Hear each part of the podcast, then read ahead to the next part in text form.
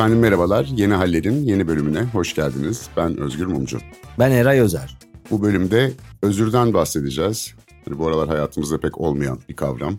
Özrün tarihteki yeri, özrün psikolojisi, sosyolojisi üzerine bir şeyler okuduk. Onlardan bahsedelim dedik. Çünkü böyle bir gündemde insan ne konuşacağını bilemiyor. Yani hem başka bir şeyle ilgilenemez haldeyiz. Hem de hayatı devam ettirmeye çalışıyoruz. Çok zorlu bir dönem gerçekten herkes için. Ve biz de burada eksikliğini hissettiğimiz bir kavramın özrün üzerine gidelim. Biraz ondan bahsedelim dedik. Evet Eray Bey yani bugünlerde kimseye nasılsınız diye sorulmuyor. İşte adet yerini bulsun diye sorayım. Nasılsınız efendim? Herkes de birbirine benzer cevaplar veriyor. Bu ortamda ne kadar iyi olunabilirse o kadar iyiyim diyor benim gördüğüm herkes. Evet özürden bahsedelim dedik çünkü senin de söylediğin gibi bir felaket yaşıyoruz. Bir takım aksaklıklar yaşanıyor bu felaket esnasında görüyoruz, şahit oluyoruz. Ve doğal olarak aslında bir öğrenilmiş çaresizliğe sürüklenmemek için birilerinin bizden ya kusura bakma en azından yani. Hani özürü birazdan konuşacağız o öyle sadece kusura bakma demekle olan bir şey değil özür dilemek ama ya bizim de hatamız oldu diye birilerinin bu işte en azından sorumluluğu olduğunu yani Türkiye Cumhuriyeti vatandaşları olarak birilerinin bize bir açıklama yapması gerektiğini, açıklamayı da birazcık öz eleştirel yapması gerektiğini hissediyoruz hepimiz. Bu sosyal medyaya bakarsak da görüyoruz, gazetelerde, her yerde görüyoruz aslında. Sokakta keza. Dolayısıyla böyle bir konuyu çalışmak ilginç oldu. Ben özür sosyolojisi diye bir şey olduğunu bilmiyordum ama olması çok mantıklı. Çünkü bu bireyler arası bir ilişkiyi de tanımlıyor. Aynı zamanda toplumlar arası ilişkileri de tanımlayan bir şey özür. Hukukun belki de bir parçası bir noktada hukuk açısından ne kadar özür dilemek geçerlidir değildir bunları da konuşuruz ama özellikle sizin alanınız Özgür Bey. Ama netice itibariyle şöyle bir durum var. Birilerinin bizden özür dilemesi gerekiyordu ve bunu da o özür dilemenin adabına uygun bir şekilde yapması gerekiyordu. Şimdi o adap nedir? Oradan girmiş olalım. Senin de dediğin gibi ben de bilmiyordum özür sosyolojisini ya da özür psikolojisini. Bu vesileyle okumuş oldum. Okuduğum bir kitapta Mea Culpa diye bir kitap vardı. Tavuşis diye birini sen de görmüşsündür değil mi? Bu konudaki önemli çalışma o galiba. Hani temel çalışma 90'lı yılların başında olması lazım kitabın. Orada anladığım kadarıyla özrün sosyal bağlarla ilişkisine çok işaret eden bir çalışma o. Sanırım işte sosyolojisinin kurulması da bu sebeple tabii. Buna işaret etmişler. Burada özrün amacı sosyal bağların tahmin edilmesi diyorlar. Yani maddi dünyayı değiştirmiyor özür. Olanı yerine geri getirmiyor elbette. Ama onun gücü duyguları dönüştürüp sosyal bağları yeniden kurmasında. Yani topluluk ve toplumsal düzenle yakından ilgili bir şey özür ve görülüyor ki biraz ayrıntısına da geçeriz. Bağlar ve toplumsal duygular azaldıkça yani bir topluluğa aidiyet fikri azalınca toplum iyice atomize olup arasındaki dayanışma da bitince özrün de önemi azalıyor. Yani bu çalışmalarda bunu gösteriyor. Biz de toplum olarak bir karar vermemiz gerekiyor. Yani sadece basit bir özür meselesinden bahsetmiyoruz elbette. Sorumlular da ortaya çıkarsın, yargıda hesaplı verilsin vesaire. Ama en temelinde bizim toplum olarak bu kutuplaşmanın sonucunda hani böyle büyük bir afetten sonra sosyal bağlarımızı rehabilite etmemiz gerekiyor. Çünkü toplum olarak hastalıklı bir durumda gibiyiz şu anda. Yani mea culpa kitabın adı dedik. Oradan devam edeyim ben de. Mea culpa benim hatam, my fault gibi bir anlama sahip Latince'de ve daha çok dini ritüellerde özellikle Hristiyanlıkta bu kendini suçlama onlarda da öyle bir durum var. Sürekli olarak bireyin kendisiyle ilgili bir sıkıntı oluyor. Dolayısıyla daha dini bir şeyde bir bağışlanma, bir arınma, bir af dileme gibi kökenlere sahip. Özür anlamına gelen mea culpa. Çünkü aslında özür yani apology kavramı savunmadan geliyor. Bizde de aslında böyle Türkçe'de kullanımı var. Daha sonradan aklıma geldi. Mesela diyelim ki bir yere bir iş yerine geç kaldın. Özrün nedir diye sorarlar. Aslında savunman nedir yani? Bahanen nedir ya da öyle diyelim.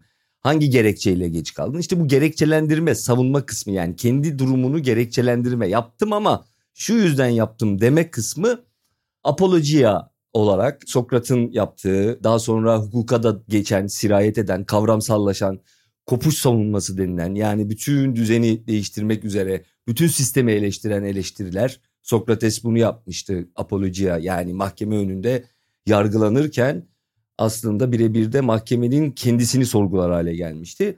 Dolayısıyla aslında savunma kısmıyla başlamış ama bugün artık apology içinde sadece yaptım ama şu yüzden yaptığımı ihtiva eden bir şey olduğunda yanlış oluyor. Öyle yaptım ama şu yüzden yaptım gibi bir gerekçelendirme bugünün toplumunda artık çok fazla kabul edilmiyor. Arkasında bir pişmanlık var mı? Efendime söyleyeyim bir acı var mı? Yani sen kendi yaptığın duygudan bir utanç duyuyor musun? Bu utancını nasıl ortaya koyuyorsun? Nasıl altını çiziyorsun? Samimi olduğunu nasıl belgeliyorsun? Bunlara da bakılıyor. Yani sadece mazeret açıklamak artık bugün geçerli değil. Hem psikolojik hem de sosyolojik olumlu etkileri çok özrün. Yani bir kere mağdurun eşit bir değere ulaşmasını sağlıyor. Yani mağduru bir şekilde tanımış oluyorsunuz. Onun öz saygısını yeniden tesis ediyorsunuz. Ve böylelikle mağdurun içinde doğabilecek olan intikam, yaşlanma gibi hisleri de azaltıyorsunuz. Ve uzlaşmayı da kolaylaştırıyorsunuz aslında. Yani bu hem bireyler arasındaki psikolojik manada önemli hem de toplumun kendi içerisinde de bu uzlaşmayı sağlaması için önemli. Aynı zamanda fail de bir anlamda katarsis yaşayarak vicdan azabını dindiriyor. Bu da hem bireysel olarak hem de toplumsal olarak bizim için önemli ve bir anlamda ahlaki bir status quo ante yani önceki duruma geri dönüyoruz. Yani ya da yine yeniden bir şey kurmuş tesis etmiş oluyoruz tabii böyle ama bu özür belki de hep beraber yani herkesin de biraz kendisini gözden geçirmesi gereken bir süreç zaten bu tek başına bir iki müteahhitin süreci değil. Ama yani toplum olarak gerçekten bağları yeniden tesis etmemiz gerektiği ortada. Binaların bağlarını güçlendiremiyormuşuz. Belli ki kendi aramızdaki bağları güçlendirirsek belki bu binaları da yeniden güçlendirebilir ve depremlerde yıkılmadan hayata devam etmeyi öğreniriz. Çünkü şöyle bir durum da oluyor. Şimdi sen de yaşadın ben de yaşadım 99 depremini. Biz o zamanlar işte üniversite yıllarındaydık. Alanda da gittik o zaman. Bugünkü tabloların benzerlerini hepimiz gördük. Bu ülke 20-25 yılda bir büyük bir savaşa girip kimle savaştığı belli değil. Kaybediyor, şehirleri bombalanıyor, insanları ölüyor tekrar ayağa kalkıp kendini imar etmeye çalışıyor. 20-25 yıl sonra bir daha savaşa girmiş gibi gene yıkılıyor. Şimdi böyle bir ülkenin zaten arzuladığı gibi bir ülke olabilme ihtimali yok ki sürekli savaşan bir ülkenin, sürekli savaş kaybeden, kimle savaştığını bilmeyen bir ülkenin. E o zaman zaten bizim toplum olarak pratiğimizle toplum olarak ideallerimiz örtüşmüyor ki. Büyük devlet de olmak istiyorsak hadi bir kısmımızın yeni Osmanlıca hayalleri yok diyelim o da işte Avrupa Birliği'ne girelim diyor. Her durumda ama her durumda biz böyle bir yere gidemeyiz. Yani pratiklerimizle ideallerimiz arasındaki bağlantıyı kurmak için de özür önemli bir şey. Kendimizle de bir anlamda yüzleşmemiz ve uzlaşmamız için de. Kesinlikle ben de buna aynen katılıyorum ve üstüne hatta şöyle de denilebilir. Aslında biz özürden bahsediyoruz ama bölümün başında da birazcık bahsettik, söylemiş olduk. Genel olarak depremle ilgili de birkaç bir şey söyleyelim yaşadığımız şeyle. Zaten yani konuştuğumuz konu onunla birebir ilintili. Burada şeyi de görmek lazım bireylerin kendisinin bilgiyle kurduğu ilişkinin aslında değiştiğini görmek lazım. Bu Özgür Bey sizin söylediğiniz aslında bir yerden bağlanıyor. Niye?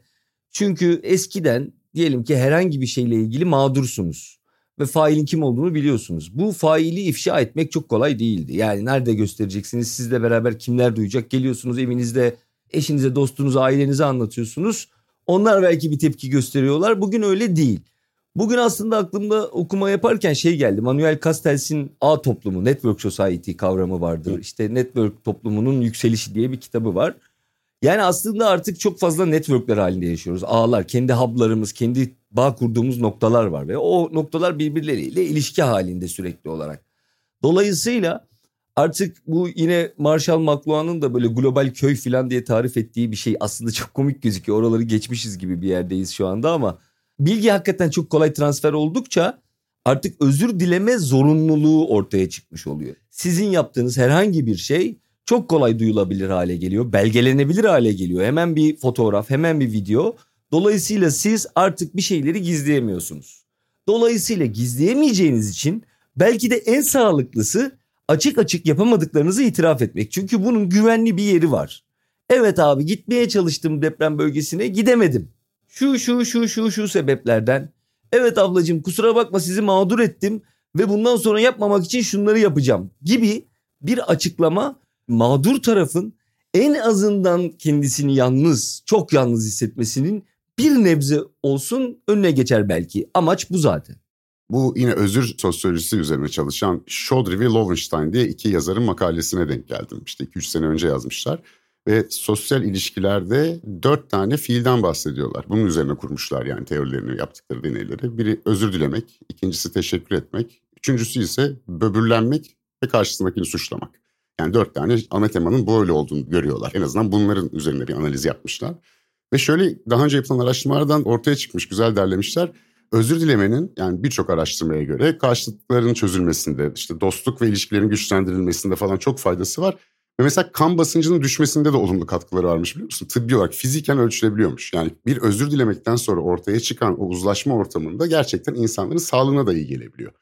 Diğer yandan demin de bahsettim karşı tarafın intikam hissini azaltması ve karşı tarafın diğer tarafa güvenmesinin tekrar sağlıyor. Yani bırakalım intikam almayı kimi durumlarda karşı tarafla yeniden aranızda bir güven bağı tesis ediliyor.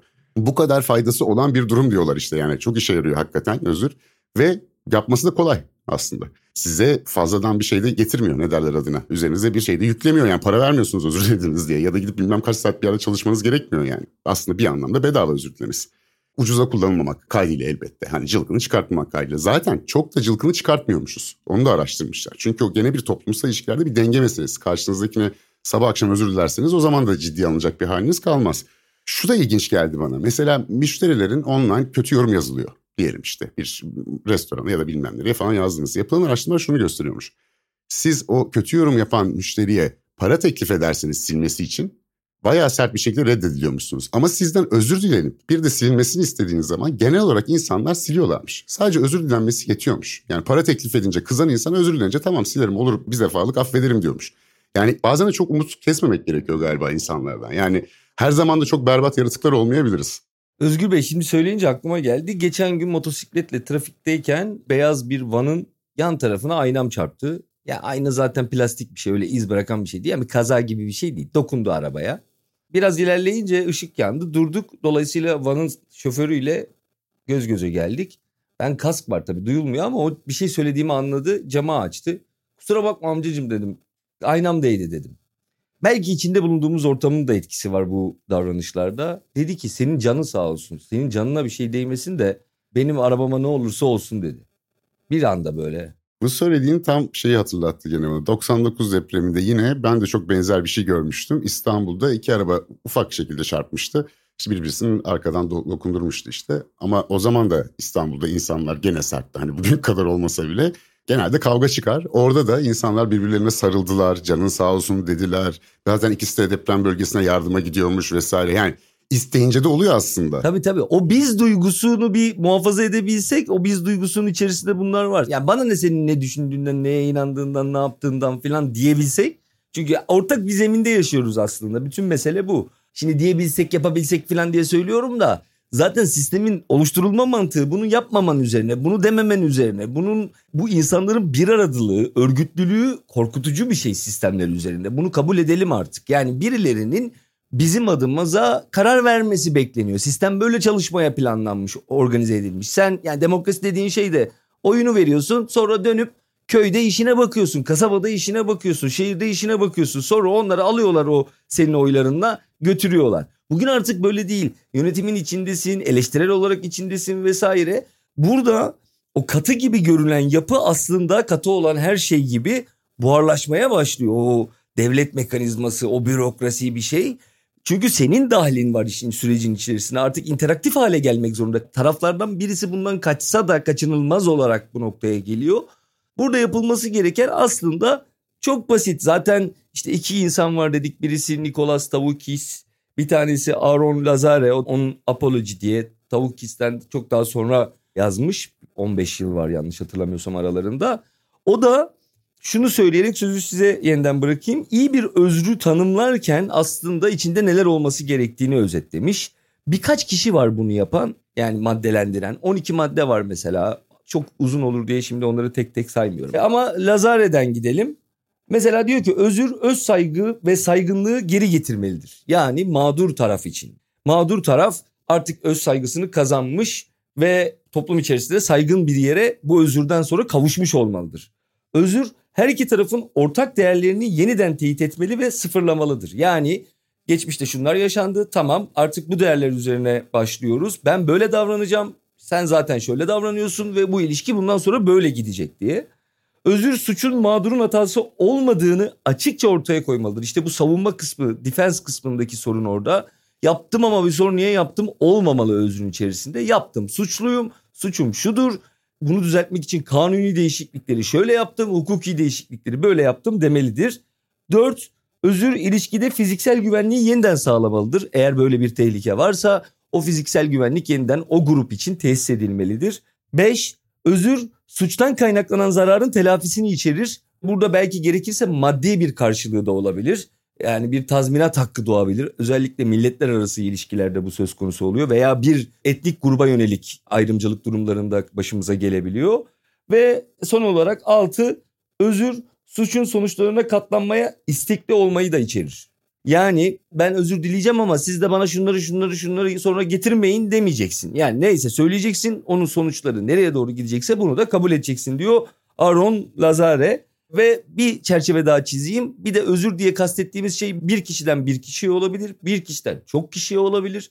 Çok kişiden bir kişiye doğru özür dileme olabilir. Yine çok büyük bir gruptan bir başka gruba olabilir. Yani iki kalabalık grup arasında olabilir. Toplumsal ilişkiler açısından.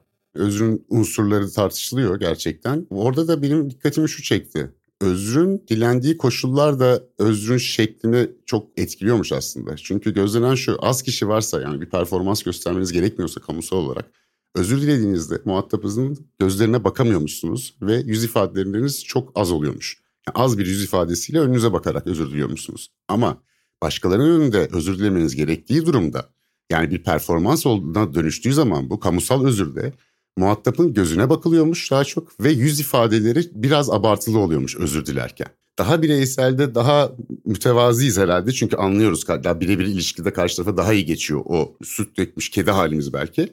Ama öbüründe herkesi ikna etmemiz gerektiği için bakıp bir performans da gösteriyormuşuz. Ve şu da ortaya çıkıyor yine bu araştırmalarda. Dedim ya dörde ayırmışlar özür dilemek, teşekkür etmek, kibirlenmek ve suçlamak diye sosyal ilişkilerde. Buna da bir teori haline getirmişler. Responsibility Exchange teori deniyor. İşte sorumluluk, değiş tokuş teorisi.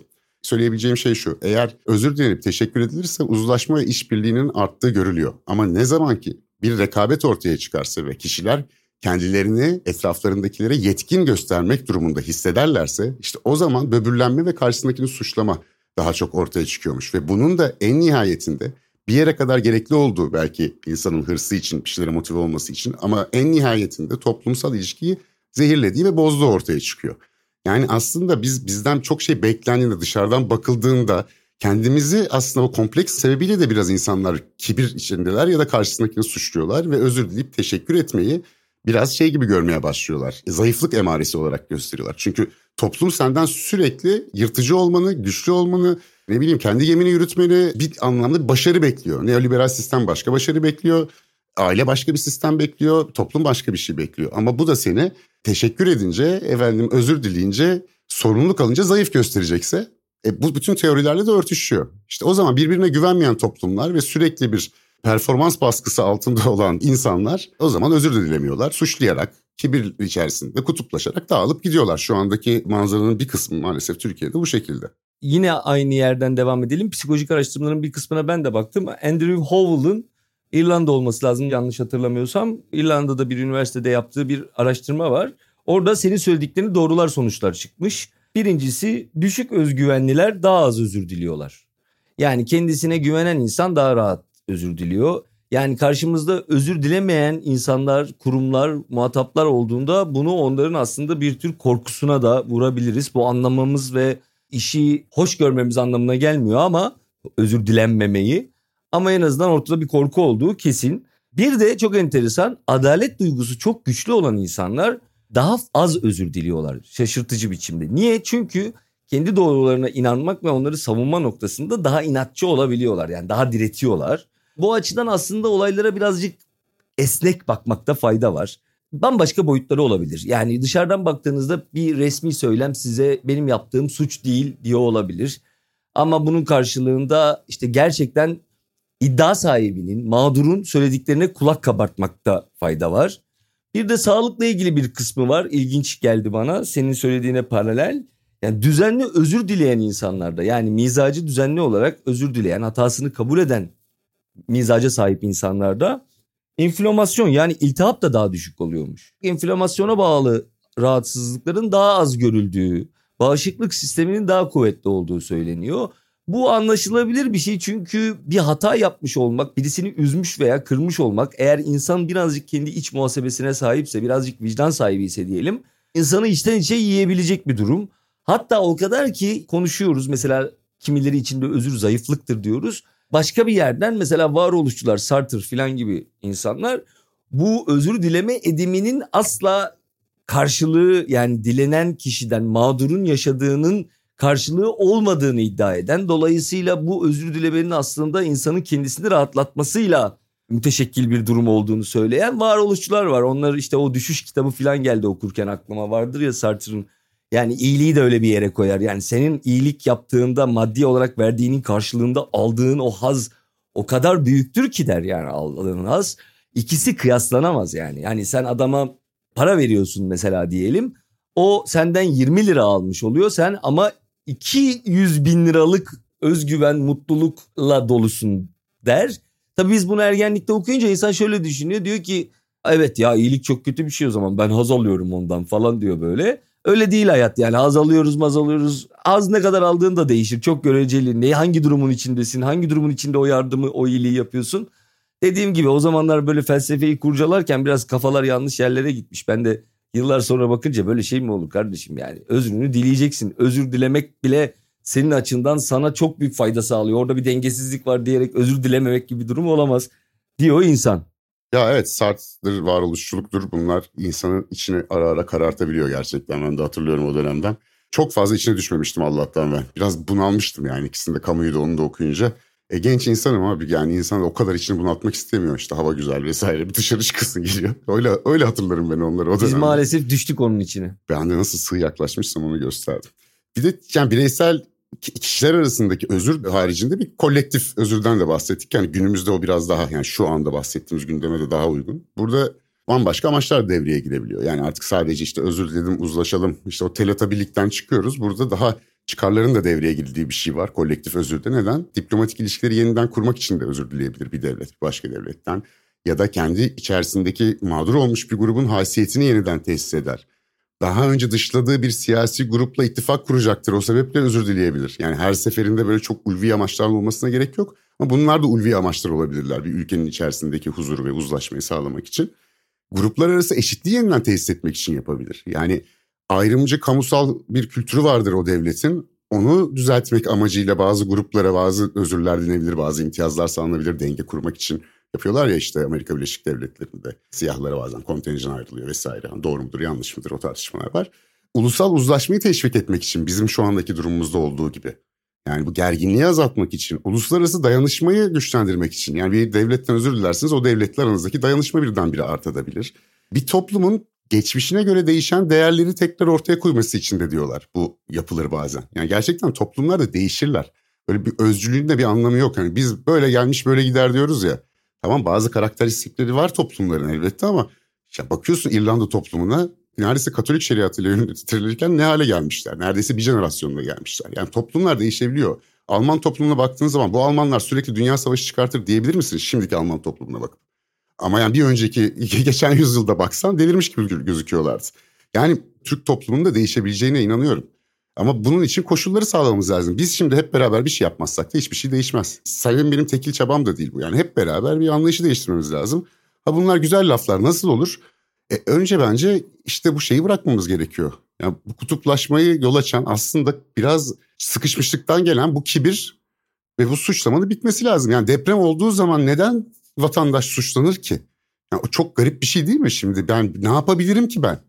Niye suçlu gibi hissettiriliyorum yani? Vaveyla etse bile suçlayamazsın yani. Hani sana bağırsa çağırsa bile. Ya sonuçta bu insan birisine bağırma ihtiyacı içerisinde. Psikolojik olarak birisinden yardım isteme ihtiyacı içerisinde. Birisinin sorumluluğu üstüne almasını istiyor doğal olarak. Herkes ister bunu yani. İnsanın doğasında olan bir şey. Senin söylediğine bir ek şeyden yapayım. Yani uluslararası ilişkilerde işte özür kavramı falan bizdeki gibi yani bizim şu anda konuştuğumuz gibi öyle felakette özür diler mi dilemez mi böyle bir tartışma yok. Her felaketten sonra kendilerini yerden yere vuruyorlar. Onların felaketleri de bizim felaketlerin yanında felaket değil yani. Şimdi felaket yarıştırmayalım ama yani batıdan bahsediyorum. Oradaki özür özür literatürü içerisinde değil yani. Sen sel olmuş, insan ölmüş. Devlet tabii ki çıkıp özür dileyecek. Yani bu zaten dilememesi mümkün değil azınlık gruplarına yani ayrımcılığa maruz kalan gruplara yönelik özürleri konuşuyoruz uluslararası literatürden bahsederken. Disaster dediğimiz felaket tanımının altında özür zaten var. Olması gereken şey orada. Ha şöyle bir şey yine senin dediğine gelen birazcık bizle ilgili bir kısım. Talep etme kısmı. O işin içinde aktif olarak olma kısmı. Belki de işte depremin böyle bir milat olması gerekiyor. Sizin orada sosyal medya dışında belli bir örgütlülüğünüz olmazsa bu sendikal örgütlülük olur, parti olur, dernek olur, STK olur neyse yani bir arada gelip durmazsanız bu devlete baskı unsurlarını, sivil baskı unsurlarını, mekanizmalarını çalıştıramaz hale geliyorsunuz. Bir de üstüne üstlük benim etrafımda çok gördüğüm, çok da normal. Bütün suçu üstüne almaya kalkıyorsun tek başına. Yani buradaki varlığından utanıyorsun. Var olmaktan utanıyorsun. Uyumaktan, yaşamaktan utanıyorsun. Bunu ben hani nacizane böyle akıl vermek gibi değil ama bunu yapmamak gerekiyor. Yani bundan kendini uzak tutmak gerekiyor. Çünkü en önemli sorun o aslında. Seni bir öğrenilmiş çaresizliğin içerisinde yok etmelerine izin vermemen gerekiyor. Senin dipdiri durman gerekiyor. Bütün dünyayı değiştiremeyiz. Çevremizi değiştirebileceğiz sadece. Kendi alanımızı. Ama unutmayın ki o çevrenin de bir çevresi var. O çevrenin de bir çevresi var. Bu böyle zincir halinde gidiyor. Senin söylediğine yine geliyorum Özgür. Çok doğru. Niye? Çünkü Türkiye toplumunda da çok farklı şeyler oluyor. Mesela atıyorum bundan 15 yıl önce siyasi olarak başka bir söylem olduğu için böyle bir milliyetçilik, böyle hamazi bir milliyetçilik, altı dolmamış bir milliyetçilik pompalanmıyordu. Bugün artık başka bir noktaya taşındık. Yine aynı iktidar vardı. Başka dinamikler üzerinden konuşuyorduk. Toplumu nereye getirmek istediği muktedirlerin önemli burada. Muktedirleri oraya getiren de bizsek eğer toplum nereye gelmek istediğine kendisi karar verecek ve ona uygun bir muktedir seçecek. Yani olması gereken bu. Yine ben de buradan hareketle şunu söyleyeyim. Hani büyük devlet olamayız özür dilersek gibi bir şey var ya. Bizden ne kadar asık suratlı olursan o kadar ciddi devlet adamısın. İşte ne kadar özür dilemez astım astık kestim kestik dersen o kadar büyük devlet oluyorsun. Şimdi böyle bir anlayış var Türkiye'de iktidar çevrelerinde özellikle. Ben de baktım mesela herhangi bir sene açtım. Herhangi bir senede büyük olduğunu tahmin edeyim devletlere baktım. Bir şey özür dilemişler mi diye. Tesadüfen 1998 senesini açtım.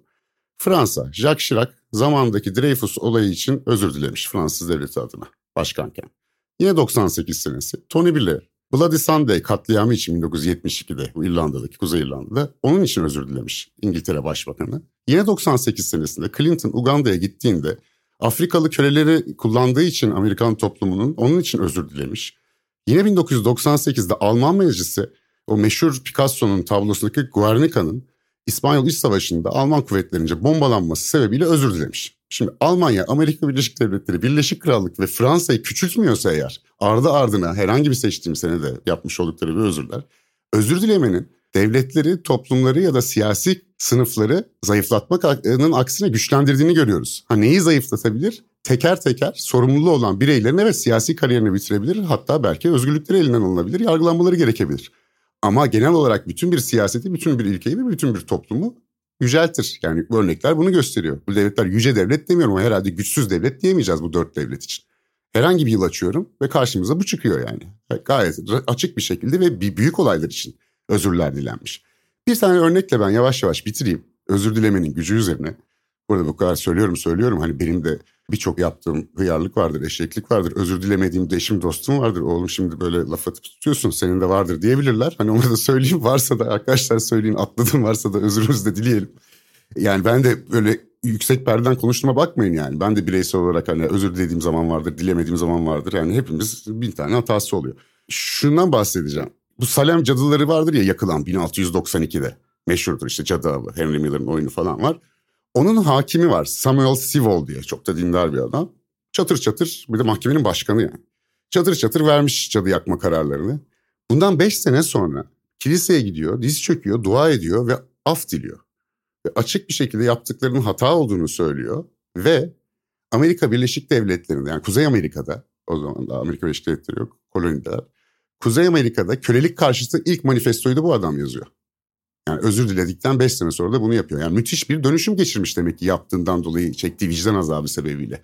Özür dilemenin gücünü en net gördüğüm şey benim bu oldu. Cadı yakan adam özür dileyip kölelik karşıtı olabilmiş sadece 5-6 sene içerisinde. Yani bunun da bu değiştirici özelliğini unutmayalım. Maddi dünyayı değiştiremeyiz özürlü ama gerçekten duygusal dünyamızı değiştirebiliriz. E bu da gelecek için iyi bir adım olur diye düşünüyorum. Esen kalın efendim.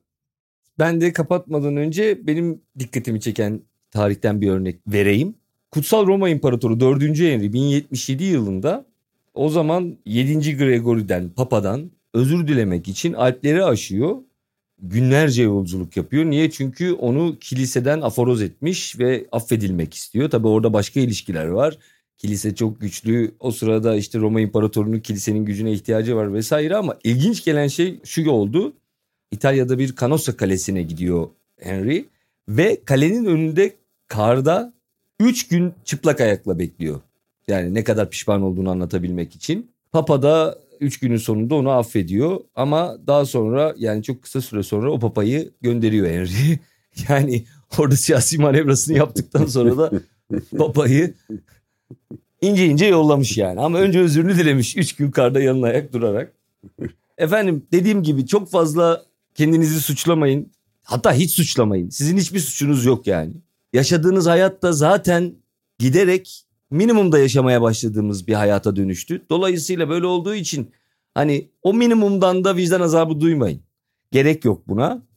Ama bir orkoluk yapalım. Çok kısa bir orkoluğum var. Benim çok sevdiğim sabah programlarından şaka yapmıyorum bu arada bazılarını çok seviyorum. Her zaman vaktim olmuyor ama takip ediyorum. Çok kullanılan bir kelimeyle bitirmek istiyorum efendim. İnşallah gideceği yerde muhatabanın kulağına küpe olur. Özür dilemek erdemliktir. Görüşmek üzere esen kalın.